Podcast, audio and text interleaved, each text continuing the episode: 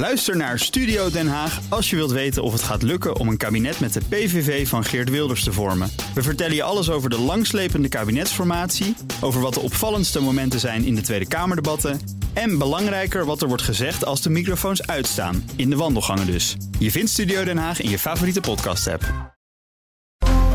Je kunt ons live terugluisteren. Dat kan via de BNR-app. Daarin vind je bijvoorbeeld de top van Nederland. Download de BNR-app en blijf scherp. BNR Nieuwsradio. The Big Five. Diana Matroos. Wij hebben de verkiezingen er natuurlijk net op zitten. Maar de Amerikanen gaan zich nu steeds meer warm lopen voor hun presidentsverkiezingen van 2024. Gaan we daar ook een politieke kentering zien? En om die vraag te beantwoorden, zijn Amerikanen tevreden over drie jaar Biden of hunkert het land naar nog een keer Trump? Dat en wat het allemaal voor Europa betekent, bespreek ik deze week met vijf kopstukken in BNR's Big Five van Bidens Amerika. En vandaag gaan we helemaal in de economie uh, duiken. Dus daarom ben ik ontzettend blij dat Philip Marijder is. Hij is macro-econoom Verenigde Staten voor de Rabobank. Uh, welkom, Philip. Fijn dat je er bent. Dankjewel. Goedemorgen. Ik moet nog denken aan al die jaren terug toen ik nog nieuwslezer was voor RTL Z. En jij altijd duidde vanuit de Rabobank. Jij doet het volgens mij nog steeds, hè? Ik doe nog steeds uh, hetzelfde, inderdaad. Ja. ja, maar leuk dat we hier met elkaar in gesprek gaan over een belangrijk onderwerp. De Amerikaanse economie, waar jij alles van weet. Maar voordat ik je dat ga vragen, wil ik eerst twee dingen van je weten. En het eerste is, wat fascineert jou nou aan die Amerikaanse politiek? Uh, nou ja, het is natuurlijk sowieso het, belangrijkste land uh, van het Westen natuurlijk. En um, ja, het, is eigenlijk gewoon doorslaggevend voor eigenlijk hoe de wereld eruit ziet. Dus in dat opzicht is het eigenlijk net zo belangrijk als het volgen van de, van de Nederlandse politiek. Voor ja, hoe, de, hoe de wereld zich verder ontwikkelt ja, misschien nog wel belangrijker eigenlijk. Want wij uh, hangen allemaal aan Amerika. Dat zie je natuurlijk met alles als het om oorlogen gaat. Of wat dan ook. Wat Amerika doet, wij volgen. Ja, zeker als je kijkt naar geopolitieke ontwikkelingen. Ja, daar is natuurlijk, eh, speelt Nederland natuurlijk maar een hele kleine rol. En ja. is in feite Amerika eigen, eh, wat dat betreft leidend voor, voor het Westen. En volgend jaar gaat het natuurlijk helemaal los hè, met al die uh, ja, voorverkiezingen. En ben je dan ook iemand die al die debatten tot diep in de nacht zit te volgen? Uh, ik probeer het wel. Vroeger deed ik het wel. Ja. Uh, toen ik nog studeerde, ja, dan had je daar de tijd voor natuurlijk. En als je werkt, is het natuurlijk lastiger qua, qua tijdzone om dat te doen. Ja. Maar ja, ik probeer natuurlijk wel zoveel mogelijk ook terug te kijken. En in ieder geval te volgen wat, er, wat er gebeurt. Wat ik ook graag van je wil weten. Je bent iemand die probeert één keer per jaar naar Amerika te gaan. En dan heb je natuurlijk ook contact met bedrijven. Dat zijn veel agri- en voedbedrijven, heb ik begrepen. Zo Starbucks, Coca-Cola. Maar je spreekt dus al die mensen, die spreek je natuurlijk ook op afstand. Wat zeggen zij over de Amerikaanse politiek? Nou, het opvallende is dat uh, onze klanten uh, eigenlijk heel anders tegen de wereld aankijken dan wij hier in Nederland. Oh. uh, het gaat omdat zeker het Amerikaanse bedrijfsleven is natuurlijk veel meer op de hand van de Republikeinse Partij. Terwijl we hier in, Nederland toch heel erg geneigd zijn om alles vanuit een democratische bril te be bekijken. En dat is juist zo interessant, omdat je natuurlijk ook wel een ander beeld krijgt van hoe ook de discussie in Amerika verloopt. Hè. Dus dat het uh, ja, dat er toch ook heel anders tegen Trump wordt aangekeken dan dat wij daarnaar kijken. Uh, en ook heel anders tegen Republikeins beleid. Hè, dat, uh, wat voor ons natuurlijk ver van ons afstaat. Mm.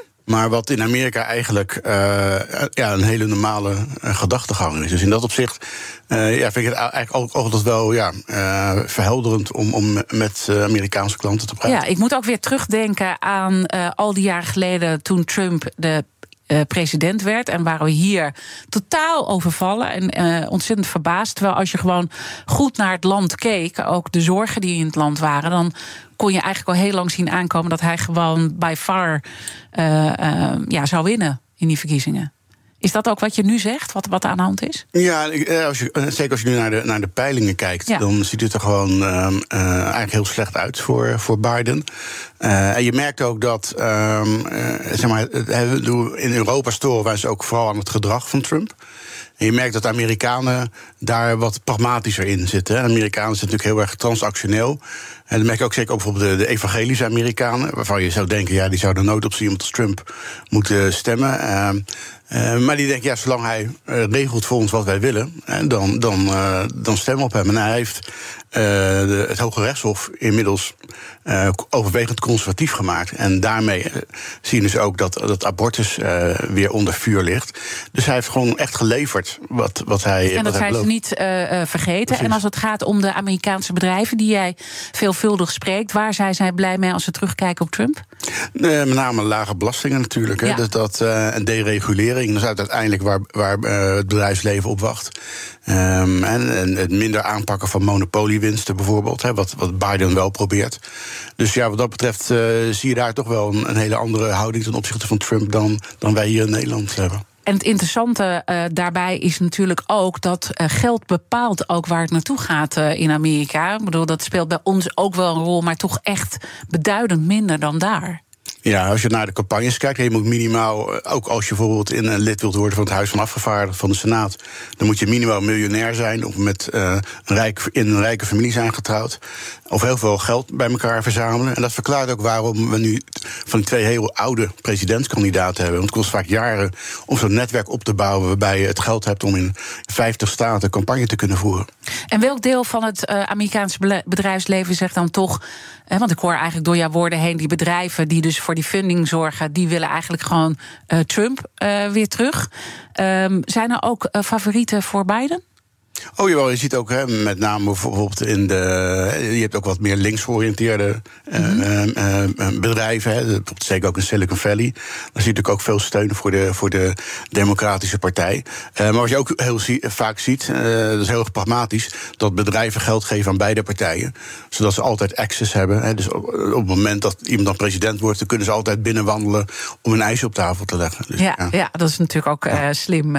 politiek en geld en macht loopt natuurlijk allemaal door elkaar. Laten we ook uh, een stand van zaken opmaken. En ook terugkijken naar drie jaar Biden, hoe hij het gedaan heeft. En daar met name met jou ook de uh, economie uh, bij de kop pakken. Misschien eerst nog een stap terug. Toen hij begon, wat voor situatie trof Biden aan? Ja, toen zaten we eigenlijk nog in corona. Hè. Dat was de, de, de tweede piek begon eigenlijk van, uh, van corona. Uh, er waren toen wel vaccins ontwikkeld, maar die moesten nog worden goedgekeurd. De economie was wel enigszins heropend.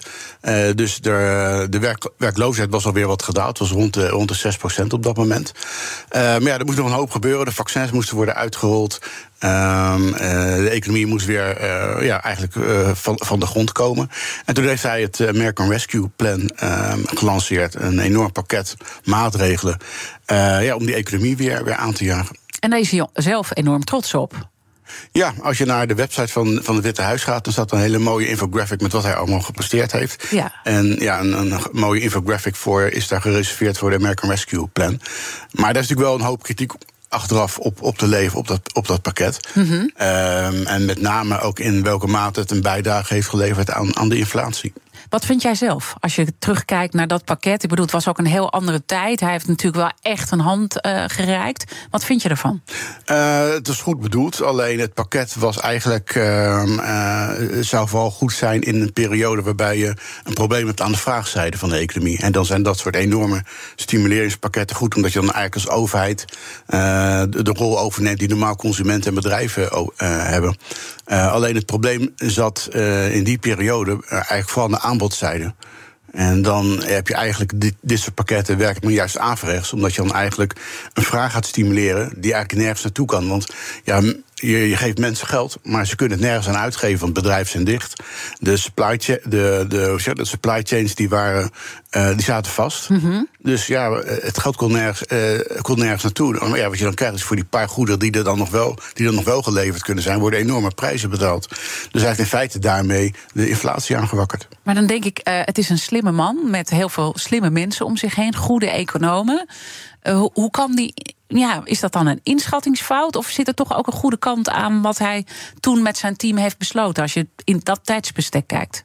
Nou, dat heeft mij ook wel verbaasd, eerlijk gezegd. En ik moet zeggen, ik verbaas me regelmatig over het feit dat Amerika in theorie de beste economen ter wereld heeft. En, en dat je er toch enorme beleidsfouten ziet. En dat je toch een soort ja, uh, groupthink hebt, hè, een soort kudde, kudde gedrag. Um, waarbij eigenlijk gewoon niet, niet out of the box wordt gedacht. Zitten, ja, mensen komen allemaal van dezelfde universiteiten, hebben dezelfde ideeën. En, en dat gaat via vaste lijnen. En ja, ja, er wordt eigenlijk niet echt goed nagedacht over wat is nou echt het probleem. En dat, dat is toen duidelijk het geval geweest. The Big Five. Diana Matroos. Mijn gast is Philip Marij, macro-econoom Verenigde Staten voor de Rabobank. En dus echt ook een kenner van die Amerikaanse economie. En als we het dan hebben over Biden, eh, want eh, het is altijd goed om terug te kijken. Hoe heeft een president het gedaan? Want dat is ook een afrekening hoe het nu eh, verder gaat in die campagne. Als in januari echt alles helemaal gaat losbarsten. Eh, dan moeten we ook uh, Bidenomics uh, bij de hand pakken. want dat is eigenlijk de samenvatting van zijn economische plannen en beleid. Wat kenmerkt dat? Nou ja, voor de gemiddelde Amerikaan is het gewoon inflatie. Ja. Uh, maar uh, als je naar, de, naar Biden zelf luistert, dan is het eigenlijk een alternatief voor wat we trickle-down economics noemen. En dat is eigenlijk een beetje de klassieke republikeinse filosofie uh, van laag, lage belastingen, deregulering. Uh, bedrijven in gang laten gaan. En dan het idee is dat ja, als, als de rijken rijk worden, dan komen er vanzelf wel banen voor, voor de rest van de bevolking. En ja, Biden probeert juist de economie eh, op te bouwen vanuit de middenklasse, vanuit de arbeidersklasse.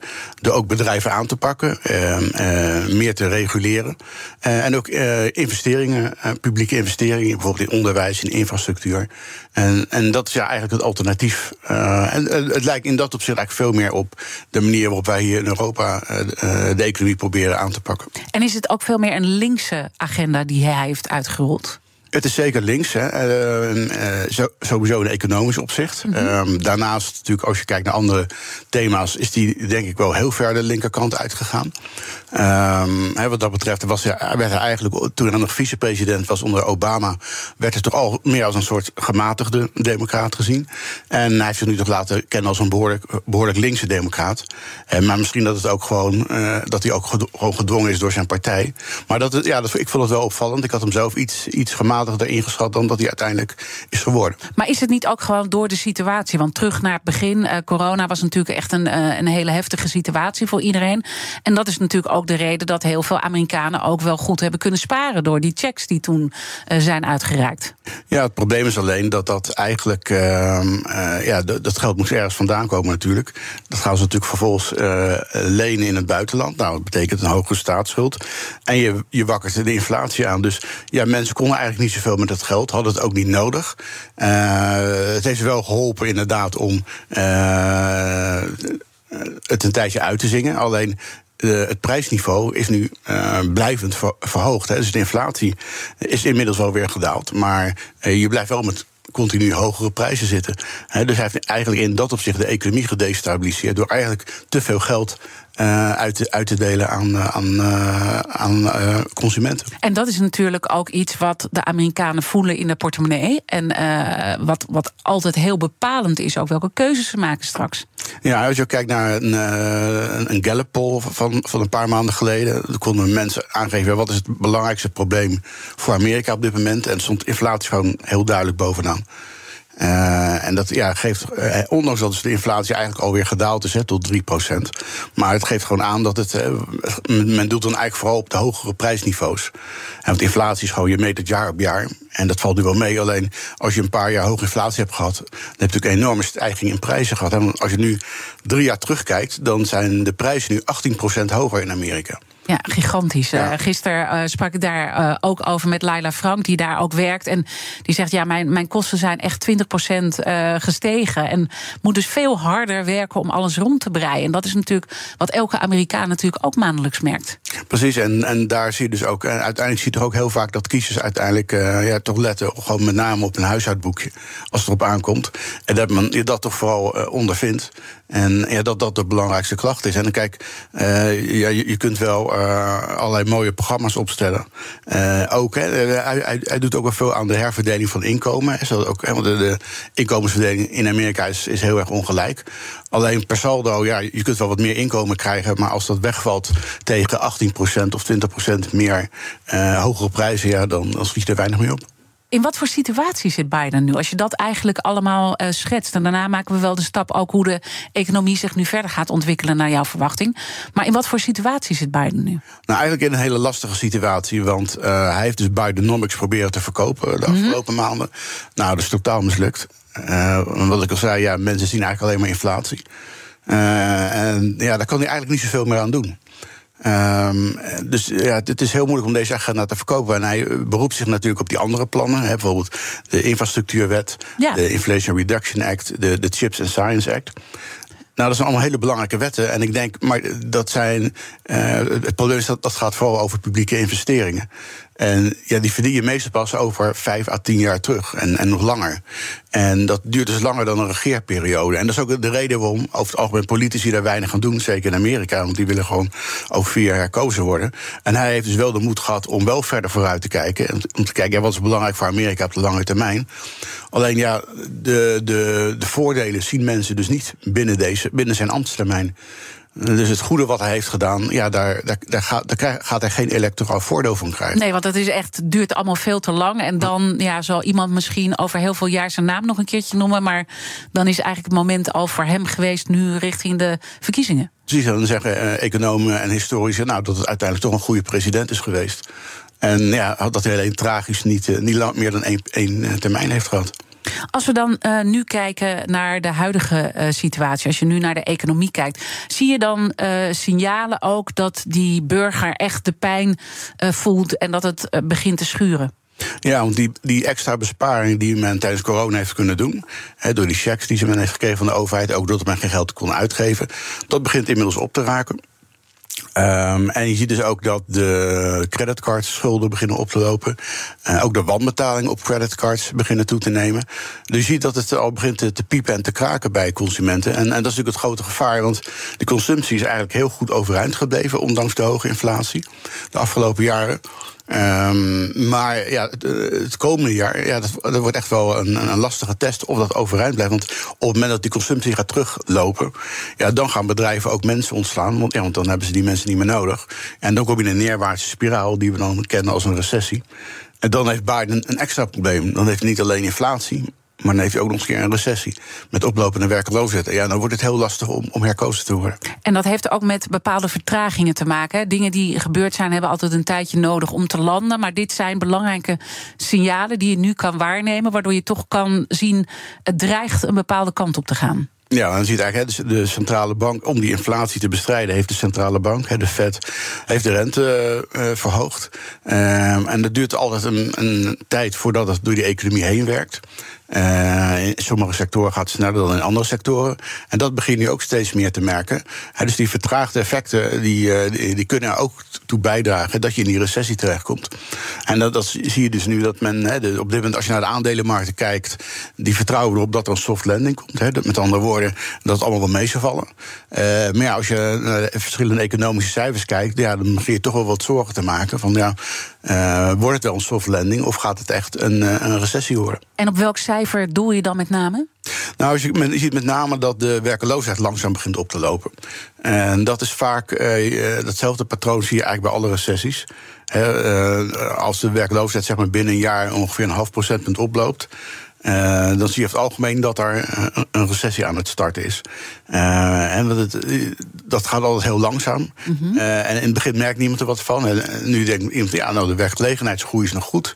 De werkloosheid is nog laag, dat is wel zo. Ja, en we maar... kwamen ook uit een tijd met allemaal personeelstekorten. Iedereen wilde overal personeel hebben, toch? Precies, ook de Amerikanen. Ja, ja dus er is nog een. werknemers hebben nog een sterke positie. Alleen, ja op een gegeven moment draait dat om en je ziet, ziet de arbeidsmarkt al, al wat, uh, wat minder krap worden. En dat is ook doelbewust beleid van de Fed. Want ze willen daarmee de loondruk uit de economie halen en daarmee de inflatie uh, eruit halen. Uh, maar dat is altijd heel lastig om dat zodanig te doen dat je de economie niet de, de, in de verdieling draait. En, en het lijkt nu goed te gaan, maar ja, het is nog maar afwachten. Want als je kijkt naar alle vertraagde effecten van die renteverhogingen, kan het zomaar zijn dat we binnen een jaar een recessie hebben. Dus er zijn heel veel uh, nou, dingen die kunnen gaan uh, schuiven in de komende tijd. Uh, zie je dan bepaalde groepen die met name ontevreden zijn nu? Want je, ik hoor je zeggen, eigenlijk zijn de Amerikanen ontevreden, maar misschien vallen bepaalde groepen met name op. Nou, je ziet het met, zeker ook met het in de financiële problemen komen. Je ziet natuurlijk met name aan de onderkant Um, zie je dat daar de grootste problemen zitten. Uh, kijk, de, de, de, hogere middenklasse en de rijken, ja, die kunnen het wel een tijdje uitzingen. En die hebben ook sowieso minder last gehad van inflatie. Maar die Amerikanen hebben sowieso niet zo'n neiging tot, tot sparen wat dat betreft. Mhm. Dus ze zijn er al vaak snel doorheen. Uh, en dan is bijvoorbeeld een, vraag die de Fed elke maand stelt: van, uh, stel je voor, je krijgt nu een tegenvaller van 2000 dollar, kun je dat nog aan? En er zijn steeds meer Amerikanen die zeggen dat ze dat niet aan kunnen. Dus dat geeft ook een beetje aan dat de, ja, de buffers er eigenlijk een beetje uit zijn nu. En de kloof, de kloven? Ja, die, die is sowieso enorm natuurlijk in Amerika. Ehm, en die verschillen zijn alleen maar groter geworden. En uh, ja, wat dat betreft uh, ja, gaan de klappen natuurlijk vooral aan, aan, de onderkant vallen. Ja, en als je dan uh, kijkt naar de, de potentiële nieuwe president... heb jij dan toch de indruk dat het echt naar Trump uitgaat? Ja, als je er nu naar, nu naar kijkt, ook naar de peilingen, met name ook in de, in de swing states. Hè, want kijk, sommige staten die stemmen sowieso democratisch en andere sowieso republikeins. Dus uh, de kiezers daar die doen eigenlijk niet zoveel toe uh, per saldo. Het gaat vooral in die, in die, in die swing states. Uh, en daar zie je dat Trump het gewoon heel goed doet. Um, en dus ja, dat, dat, ja, dat als er nu verkiezingen zouden worden gehouden, dan zou, zou er slecht uitzien voor Biden. Ja, en dat heeft dus ook echt een duidelijke relatie met die economie. Hè. Dat is altijd goed om je uh, te beseffen. En dat dus al die Amerikanen het nu moeilijk hebben. Gaat hun verhaal echt beter worden onder Trump dan? Uh, het hangt af wie je bent. Uh, ja. als, je, als je een hoog inkomen hebt, of je, bent, je werkt in het bedrijfsleven, of uh, je bent een, een, bedrijf, dan, dan gaat het goed. Hè, want dan gaat hij de belastingen weer verlagen, gaat de regelgeving weer verminderen. Um, ja, als je aan de onderkant zit, ja, dan is, maar, uh, is het maar afwachten. Uh, en wat natuurlijk ook wel een probleem is bij Trump, hè, hij wil weer uh, ja, protectionistische maatregelen nemen, invoertarieven heffen. Nou, dat gaat natuurlijk ook weer bijdragen aan inflatie. En dat is natuurlijk ook iets wat, wat, ja, wat Trump zelf nog niet helemaal ziet. En wat, wat, wat misschien zijn aanhang ook nog niet helemaal doorgaat, uh. Maar op het moment dat de invoertarieven worden uh, doorgevoerd, ja, dan gaat dat uiteindelijk toch ook uh, weer tot hogere prijzen leiden. Maar je zegt eigenlijk, is die zichtbaarder helemaal niet bij de Amerikanen? Dat ze dat doorhebben dat dat uh, wel op het spel staat? Nee, en wat dat betreft kijken Amerikanen ook, en wat je ook een beetje ziet, het, gaat ook om veel meer dan puur de economie. Hè. De, je merkt ook dat er, waar Biden natuurlijk ook wel heel veel punten mee heeft verspeeld, is dat hij toch een beetje meegegaan is met zijn linkervleugel. De, de woke-ideologie. Uh, en je merkt dat dat uh, met name bij het midden- en het rechterdeel van de Amerikanen tot veel irritatie heeft geleid. Um, en je, je, ja, dat is ook een reden voor een hoop mensen om daarop te stemmen. Dus het is voor een deel economie. Hè, dat uh, ja, Biden toch wordt afgerekend op die inflatie. Maar voor een deel zijn het ook, ja, laat ik zo zeggen, meer, meer de, de, de culture wars die zich afspelen in Amerika. Waar, Biden op gaat afgerekend worden. En in dat opzicht denk ik ook dat het misschien wat verstandiger geweest was als hij zich toch wat meer in het midden had opgesteld. in plaats van toch wel heel erg toe te geven aan, aan de linkervleugel. Laten we zo meteen uh, verder praten en hoe jij ziet uh, hoe de vlucht uh, daaruit is. En dan gaan we natuurlijk ook praten over de staatsschuld. Want dat is een hele belangrijke om daarbij bij de kop te pakken. Zometeen praat ik verder met Philip Marij, macro-econoom Verenigde Staten voor de Rabobank. Blijf luisteren. Ook Bas van Werven vind je in de BNR-app. Ja, je kunt live naar mij en Iwan luisteren tijdens de ochtendspits. Je krijgt een melding van Breaking News. En niet alleen onze podcast Ochtendnieuws, maar alle BNR-podcasts vind je in de app. Download nu de gratis BNR-app en blijf scherp. Blijf scherp. BNR Nieuwsradio. The Big Five. Diana Matroos. Welkom bij tweede halfuur. Deze week praat ik met vijf kopstukken uit de wereld van Bidens Amerika. Eerder deze week sprak daarover met journalist Laila Frank over de politieke keuzes van Amerikanen en hun drijfveren daarachter. Ze weten heel goed hoe die Amerikaanse samenleving in elkaar zit. Luister het gesprek terug via de BNR-app. De Amerikanen zijn in ieder geval ontevreden, is haar verhaal. En dat is ook het verhaal van mijn gast vandaag, Philip Marij, macro-econoom Verenigde Staten voor de Rabobank. En echt een kenner van de economie uh, daar. En ook daar uh, ja, gaat het deels uh, goed mee, maar onderliggend gaat het niet goed. En daar gaan we nu over verder praten, Filip. Want komend half uur wil ik de toekomst van de Amerikaanse economie nog met je schetsen. En wat voor impact dat dan heeft op de Amerikaanse verkiezingen. En de staatsschuld van de Verenigde Staten. En laten we met dat laatste beginnen.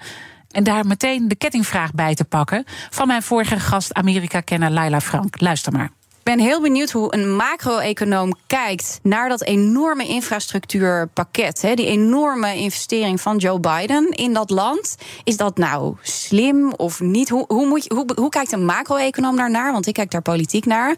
En de tweede stiekem vraag 1a is dan... welke rol speelt die staatsschuld daarin? En is er eigenlijk een, een eindpunt voor hoe hoog een staatsschuld kan zijn? Want dat snap ik niet. Hij wordt steeds maar groter, maar waar is het einde? Ja, een paar uh, vragen. Je hebt eigenlijk al een beetje over die infrastructuur gezegd. Dat is uh, ja, een heel erg goed plan. Hè? Maar uh, vooral op de lange termijn, dan merken de Amerikanen nu niks van. Ja, inderdaad. En dat is, juist iets wat, uh, wat eigenlijk misschien het minst zorgelijk is als je, vanuit het perspectief van de staatsschuld. Omdat uiteindelijk uh, dat soort publieke investeringen zichzelf op lange termijn terugverdienen. Amerika wordt gewoon uh, productiever daardoor, gaat daardoor meer geld verdienen. dus daar zit het probleem niet met de staatsschuld. Dat zit echt in, in andere zaken. En daar zie je wel heel duidelijk dat de, de overheidsfinanciën ja, uit het lood geslagen zijn. En als we dat dan even relateren aan de uh, economische groei uh, in de Verenigde Staten. Die was in het derde kwartaal maar liefst 4,9 procent. Grootste groei sinds 2021. Maar dat moet je meteen vertalen naar die staatsschuld. Nou, misschien niet dit specifieke kwartaal, maar in zijn algemeenheid zie je wel dat we de, de economie uh, heeft uh, verrassend goed gedaan het afgelopen jaar. Mm -hmm. uh, maar goed, er is natuurlijk heel veel geld in de economie gepompt. En dat geld dat is geleend. Uh, en dat wordt natuurlijk op lange termijn een probleem. Uh, je ziet dat zowel. En het is niet alleen Biden, het is natuurlijk ook Trump. Hè, die heeft natuurlijk uh, de staatsschuld ook flink op laten lopen door belastingverlaging. En hij heeft natuurlijk ook in 2020 de, de CARES Act. eigenlijk net iets als de American Rescue Plan. Ook een uh, coronaplan wat uh, eigenlijk veel te ruimhartig is. Wat trouwens ook heeft bijgedragen aan die inflatie. Um, maar ja dat, ja, dat geld is eigenlijk. ja, dat was eigenlijk te veel op dat moment. Uh, tegelijkertijd moest het wel geleend worden. Uh, en ja, dat is niet echt een goed plan in Amerika om, uh, ja, om die overheidsfinanciën weer op orde te krijgen. Want zoals het er nu naar uitziet, hè, op dit moment is de staatsschuld ongeveer even groot als wat Amerikanen in een jaar met elkaar verdienen. Noem even het getal. dat is 98 procent van het bruto binnenlands product.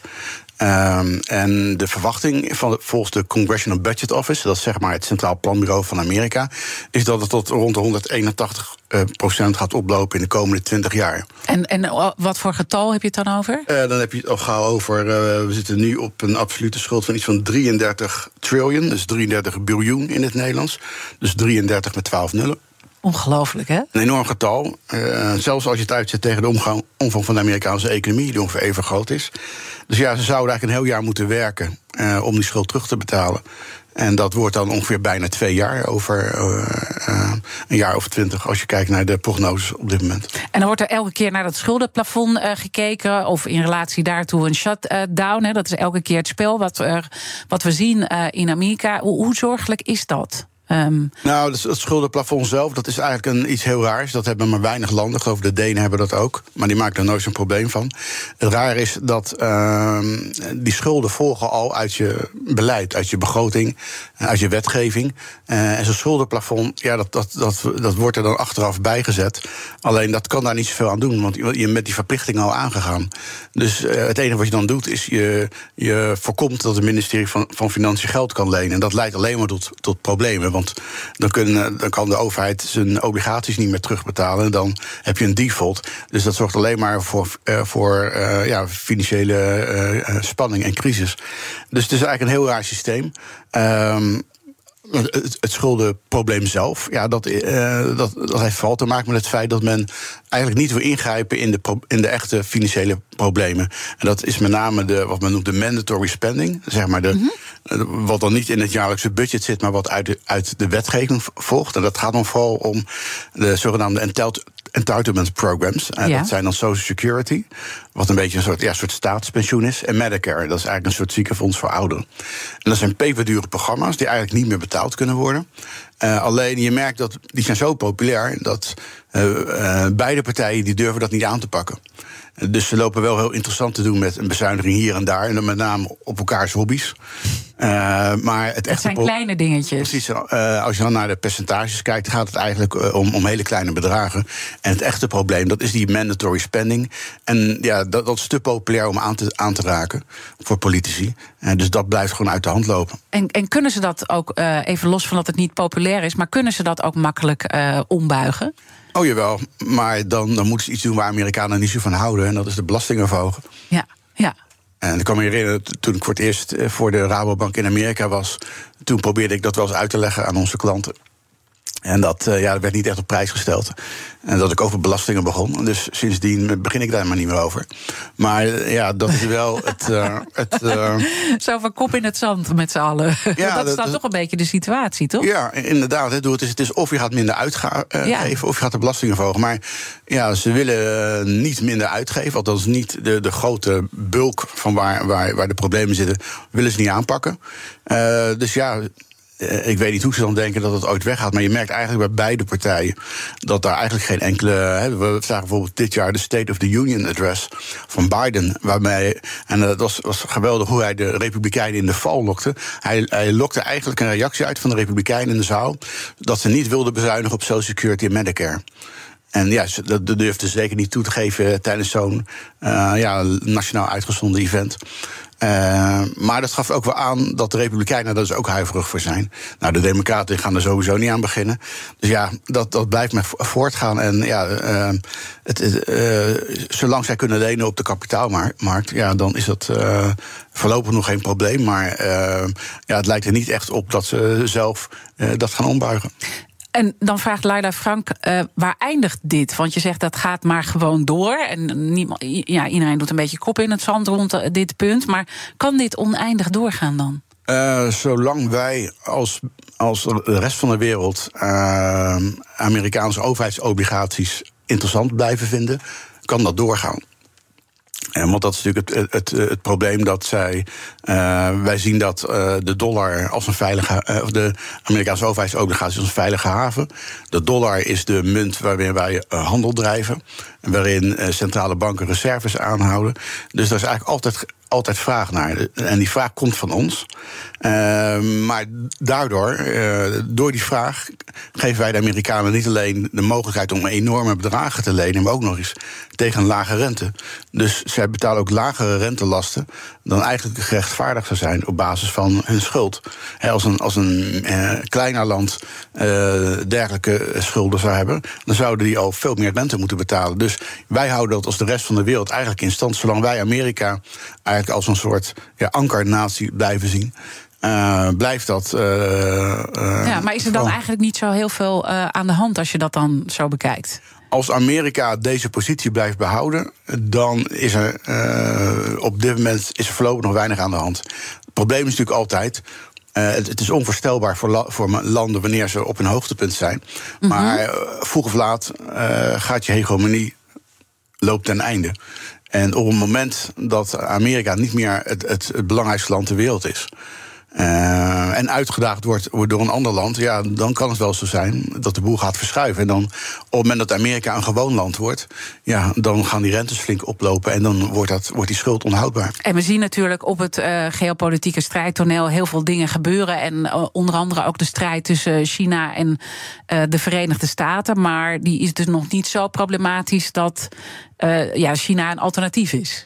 Op dit moment nog niet. Hè. De Chinese economie is heel groot, alleen het financiële systeem is niet open. Dus als, als belegger is het eh, niet zo interessant om Chinese overheidsobligaties te kopen. Want je weet in China nooit of je geld ook weer eruit kan halen. Terwijl in Amerika weet je dat zeker. Dat is een enorm liquide markt. Eh, dus in dat opzicht is China nog geen alternatief. Maar China kan natuurlijk wel de. de uh, ja, de, hegemonie van Amerika in, in militair opzicht bijvoorbeeld bedreigen. Hè. Stel je eens voor, uh, er ontstaat een, een, een, een, een oorlog hè, die grote schade toebrengt aan Amerika. Nou, er zijn simulaties van bekend hè, dat bijvoorbeeld een conflict over Taiwan dat dat niet per se goed hoeft af te lopen voor Amerika. En ja, dat zou wel bijvoorbeeld het begin kunnen zijn van een verschuiving van die, van die macht. En op het moment dat Amerika eigenlijk een heel gewoon land wordt en niet meer uh, de, de, leider van, uh, van, het, uh, van de wereld. En je merkt ook sowieso dat er in de wereld een soort beweging is om zich. Amerika probeert zich een beetje los te koppelen van China. Maar je merkt ook dat de China en andere landen die proberen ook een soort alternatief te vinden. Mm -hmm. En uh, dat is natuurlijk wel op een gegeven moment, op het moment dat dat levensvatbaar wordt. En dan heb maar je wel zijn we nog daar niet nog heel ver van af? Als je gewoon kijkt uh, naar de Amerikaanse defensie, naar de vloot. Dat is altijd zoveel groter dan dat ze in uh, China hebben. Dus ja, er zijn natuurlijk wel ontwikkelingen in China. Maar by far is Amerika nog een stap verder, toch? Ja, ik laat zeggen in economisch opzicht wel. Hè. Dus zeg maar de Amerikaanse overheidsobligaties die staan voorlopig mm -hmm. buiten maar qua defensie ook. Qua defensie uh, is natuurlijk zo. Kijk, op een gegeven moment raak je overstretched als een empire. Als een, en je merkt dat nu ook met. Uh, men heeft nu een conflict in de Oekraïne. Uh, een conflict in het Midden-Oosten. Uh, en ja, de Chinezen die hebben nog altijd hun oog op, op Taiwan. En dan wordt het heel lastig voor Amerika om op meerdere fronten zo'n oorlog te kunnen voeren.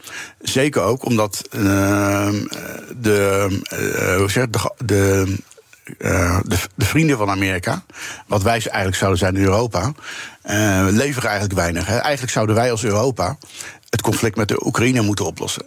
Nou, we lopen nog steeds uh, aan het handje van de Amerikanen. En dat maakt voor de Amerikanen ook lastig dat wij onze bijdrage niet leveren. Dus wat dat betreft, ja, kan Amerika toch wel overstretched raken. Ook Diana Matroos vind je in de BNR-app. Ja, inderdaad. Je kunt live naar mij luisteren tijdens de Big Five. Ook handig in de BNR-app. Breaking nieuwsmeldingen, maar ook het allerlaatste zakelijke nieuws. En je vindt in de app alle BNR-podcasts, waaronder Wetenschap Vandaag. Download nu de gratis BNR-app en blijf scherp. BNR Nieuwsradio. The Big Five. Diana Matroos. Je luistert naar BNR's Big Five van Biden's Amerika. Morgen dan praat ik nog met uh, onze eigen buitenlandcommentator Bernard Hammelburg. Uh, en uh, mooi om ook te kijken wat voor vraag jij hem aan hem zou willen stellen. Philip Marijn, macro-econoom Verenigde Staten voor de Rabobank. Want de kettingvraag gaat natuurlijk door. Wat zou je aan Bernard willen vragen? Nou ja, ik, toen ik nog op school zat, was Bernard Hammelburg al Amerika-correspondent. Uh, dus ja, eigenlijk uh, ja, hem al heel lang. En in die tijd was Ronald Reagan president van, van de Verenigde Staten. Natuurlijk een icoon van de Republikeinse Partij. en het is natuurlijk heel moeilijk om de jaren tachtig te vergelijken met, met nu. Maar ja, ik zou Bernard willen vragen als hij zou willen speculeren. Hoe zou een Ronald Reagan nou tegen de huidige Republikeinse Partij aankijken? En denkt hij dat Ronald Reagan, zoals hij toen was, nu nog kans zou maken om de Republikeinse nominatie te krijgen voor, voor het presidentschap van, uh, van Amerika? Hele mooie vraag, want het is altijd prachtig om in die historie te duiken. En Bernard kan dat als uh, geen ander natuurlijk. Maar wat roept het bij je op dat je deze vraag stelt? Want blijkbaar zie je signalen waar deze vraag uit voortkomt. Nou, de Republikeinse Partij is natuurlijk behoorlijk naar rechts opgeschoven. Mm -hmm. de populistische kant uit. Uh, dat is natuurlijk altijd een uh, partij die voor free trade was. Uh, inmiddels is het een protectionistische partij geworden. En je ziet ook op andere vlakken dat de gematigde republikeinen steeds moeilijker hebben. Bijvoorbeeld Mitt Romney bijvoorbeeld. Die was niet zo lang geleden, was hij nog presidentskandidaat namens de republikeinen. En inmiddels is hij bijna een paar jaar in zijn eigen partij geworden. Uh, dus je ziet eigenlijk dat de, de, de gematigde republikeinen, hè, wat, wat je vroeger de New England Republicans noemde. Uh, zoals, zoals, George Bush senior bijvoorbeeld. Ja. Uh, wat eigenlijk hele gematigde mensen waren. Ja, dat die eigenlijk uh, ja, toch als, eigenlijk als watjes gezien worden door, door de huidige Republikein. Dus ja, vandaar dat ik me afvraag, zou zo'n Reagan daar dan nog, nog inpassen in, in de huidige partij? Maar als ik jou zo volg, dan voel jij wel echt ook die politieke kentering aankomen. die we misschien overal wel zien. Hè? Hier in ons land, in Europa. Je ziet duidelijk een verschuiving gaande. En dus ook in Amerika. Ja, je ziet wat dat betreft dat. Uh, we hebben natuurlijk al één periode Trump gehad. Um, Maar je merkt ook dat dat ja, toch een hoop mensen er niet van overtuigd heeft dat het geen goed idee is. dus als je naar de peilingen kijkt, ja, dan zijn ze eigenlijk weer in staat om hem weer tot president te konen, dat men te, te, kiezen. En dat geeft dus ook wel aan hè, dat mensen ja, misschien ook door, door zijn gedrag heen proberen te kijken. En dat dan maar op de koop toenemen. En zolang hij economisch maar dingen doet voor hun die zij, die ze leuk vinden, zoals lagere belastingen bijvoorbeeld. Dus ja, in dat opzicht uh, zijn Amerikanen ook heel tra transactioneel. Maar je ziet ja, dat hele, uh, ja, die verschuiving zie je er ook, ook elders wel in de wereld. Ja, en ook die kloven, dat zie je natuurlijk ook elders in de wereld. En die kloven verdiepen. En mensen kijken uiteindelijk toch ook vanuit de portemonnee. En dat heb je heel goed geschetst hè, met die uh, economie. Laten we dit slotstuk nog gebruiken om ook naar de toekomst van de Amerikaanse economie te kijken. Waar je al een paar punten hebt benoemd. Maar misschien goed om toch even de Fed-president aan te halen. Vorige week de markten verraste door de verwachting uit te spreken dat er weer renteverlagingen aan gaan komen. En later hoorde je weer geluiden dat het helemaal niet zo is. Nee, nou laat ik zeggen dat Powell heeft vooral de, de, de, recente geluiden van, van bijvoorbeeld John Williams van de New York Fed, die, die pas eigenlijk meer in de, in de lijn die de Fed hiervoor volgde. Namelijk mhm. een beetje terugduwen. De markten die prijzen al een hoop renteverlagingen in.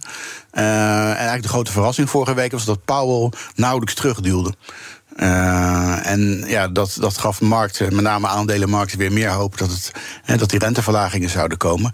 En je merkte dan dat uiteindelijk aan het eind van de week dat uh, John Williams een, beetje, eh, wel een beetje probeerde terug te duwen. Maar ja, je ziet daar, je ziet al een tijdje, markten willen graag renteverlagingen. Prijzen die dan ook graag in. Nou, aandelenmarkten vinden dat natuurlijk altijd geweldig.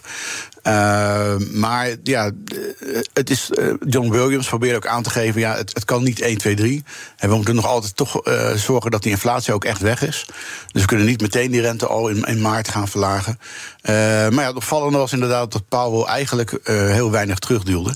En dat heeft natuurlijk wel de verwachting gewekt dat, dat die renteverlagingen nu toch echt wel aan zitten te komen. Daar ga jij wel vanuit? Ja, ik, ik, ben zelf eerder geneigd om eerder richting juni te denken. Want ja, de Fed, de Fed is eigenlijk meer een soort olietanker. Hè. Dus het, kost altijd tijd om iedereen, om alle neuzen dezelfde kant uit te laten wijzen.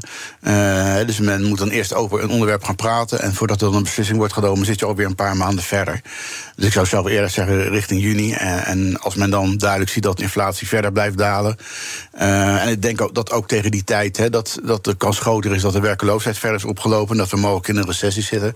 Ja, ik denk dat ze dan wel overstag gaan om die, om die rente te gaan verlagen. En als je dan vanuit die periode kijkt en je gaat dan naar de verkiezingen uh, eh, 5 november, hè, dus dat is dan een, een, een, tijdje daarna. Hoe, hoe kan dat invloed gaan hebben op die Amerikaanse verkiezingen? Ik denk dat het heel erg afhangt of we een soft landing krijgen, dus of de economie blijft groeien. Of dat de Fed eigenlijk al te laat is met die renteverlaging en dat we in een recessie terechtkomen. Als we in een recessie terechtkomen, dan uh, wordt Biden verantwoordelijk gehouden voor een inflatie plus hogere werkeloosheid. Nou, dan is die, uh, ja, toch, heeft hij toch heel weinig kans. Uh, als het de Fed lukt om toch die soft landing te creëren, dat, dat die werkloosheid niet te veel oploopt, ja, dan is het alleen het inflatieverhaal waar Biden op, wordt afgerekend. Blijft het nog steeds lastig, mm -hmm. maar dan heeft hij hier een ieder geval een betere kans. Nou zien we dat uh, ze zelf heel erg zijn geschrokken bij de Democraten... naar aanleiding van een peiling in de New York Times... Hè, waar ook duidelijk blijkt dat hij niet uh, de, de favoriet is bij de Amerikanen.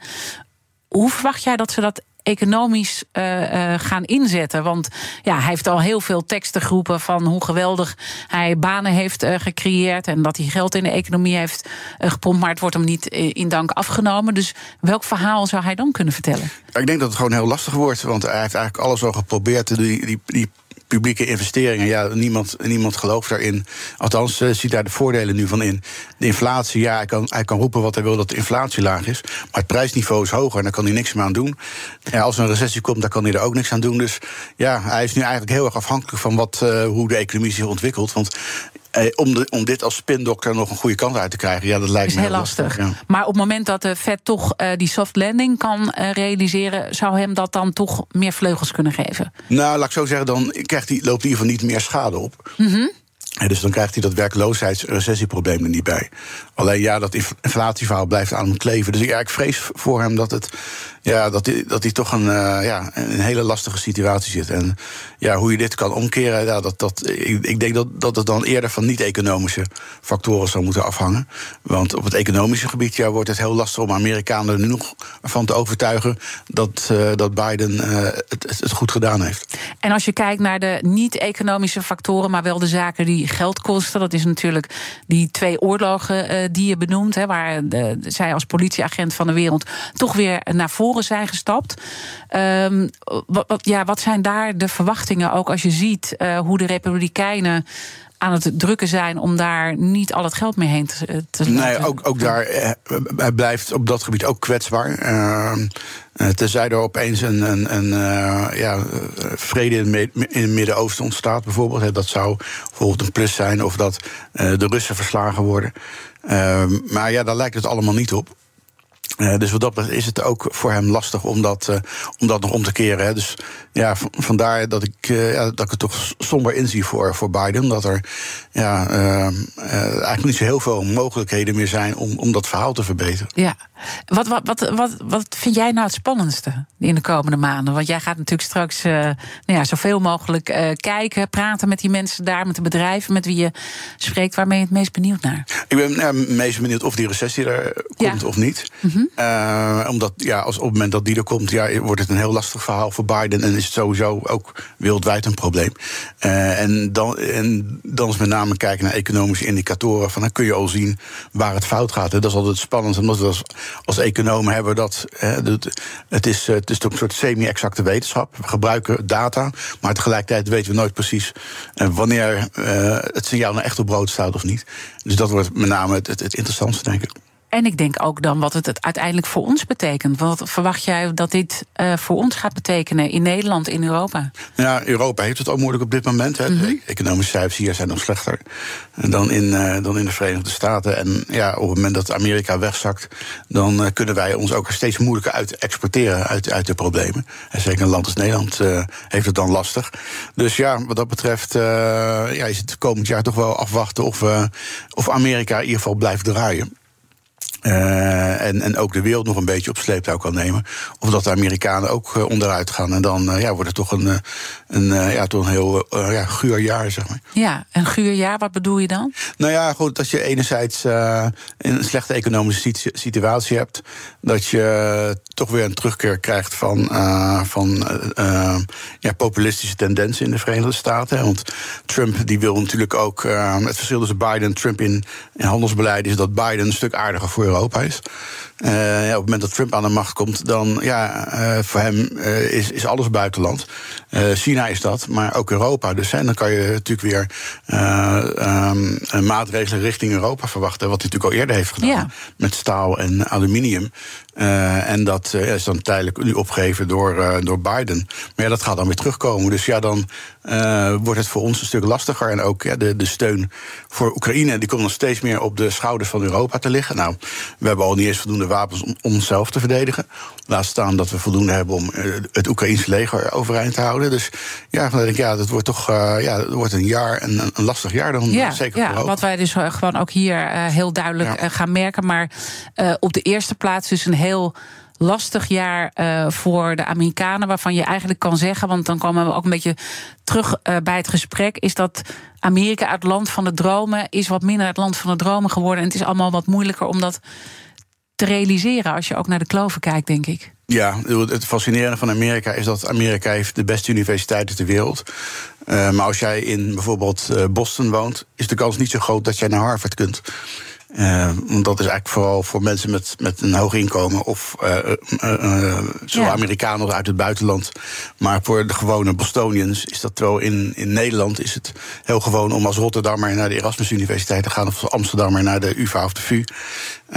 en in, ja, in, een, in Amerika is dat niet zo vanzelfsprekend. Dat het onderwijs is daar echt peperduur en mm -hmm. heeft ook Biden heel weinig aan gedaan. En zelfs een, een, een Californië heeft het nu moeilijk, terwijl je daar toch ook Silicon Valley hebt. Ja, Silicon Valley is natuurlijk ook geraakt door die, door die renteverhogingen. Is eigenlijk, was eigenlijk een van de eerste slachtoffers daarvan. En ook het beleid van gouverneur Gavin Newsom is ja, toch heel erg, uh, heel erg links beleid. Dus uh, je ziet ook, ook daar dat er eigenlijk heel dat ondernemers en kleine bedrijven het lastig hebben.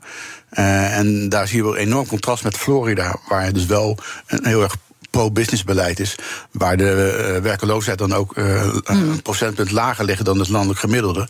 En in Californië ligt een procentpunt daarboven. Dus ja, die interne verschillen zijn ook heel, heel groot. Ja. We gaan het uh, met jou volgen waar dit allemaal uit, uit gaat komen. En of inderdaad die soft landing er komt. Of dat we toch naar een recessie gaan. Dankjewel, Philip Marij, macro-econoom Verenigde Staten bij de Rabobank. dat je te gast wilde zijn hier bij de Big Five. Graag gedaan. Uh, natuurlijk uh, zijn alle afleveringen zoals altijd terug te luisteren. Ga naar je favoriete podcast-app, daar vind je alles uh, terug.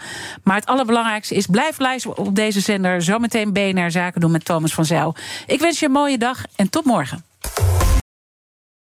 Ook Harm Edens vind je in de BNR-app. Je kunt BNR Duurzaam niet alleen live luisteren in de app, maar ook terugluisteren als podcast, zoals al onze podcasts. En naast dat de BNR-app Breaking News meldt, houden we je ook op de hoogte van het laatste zakelijke nieuws. Download nu de gratis BNR-app en blijf scherp.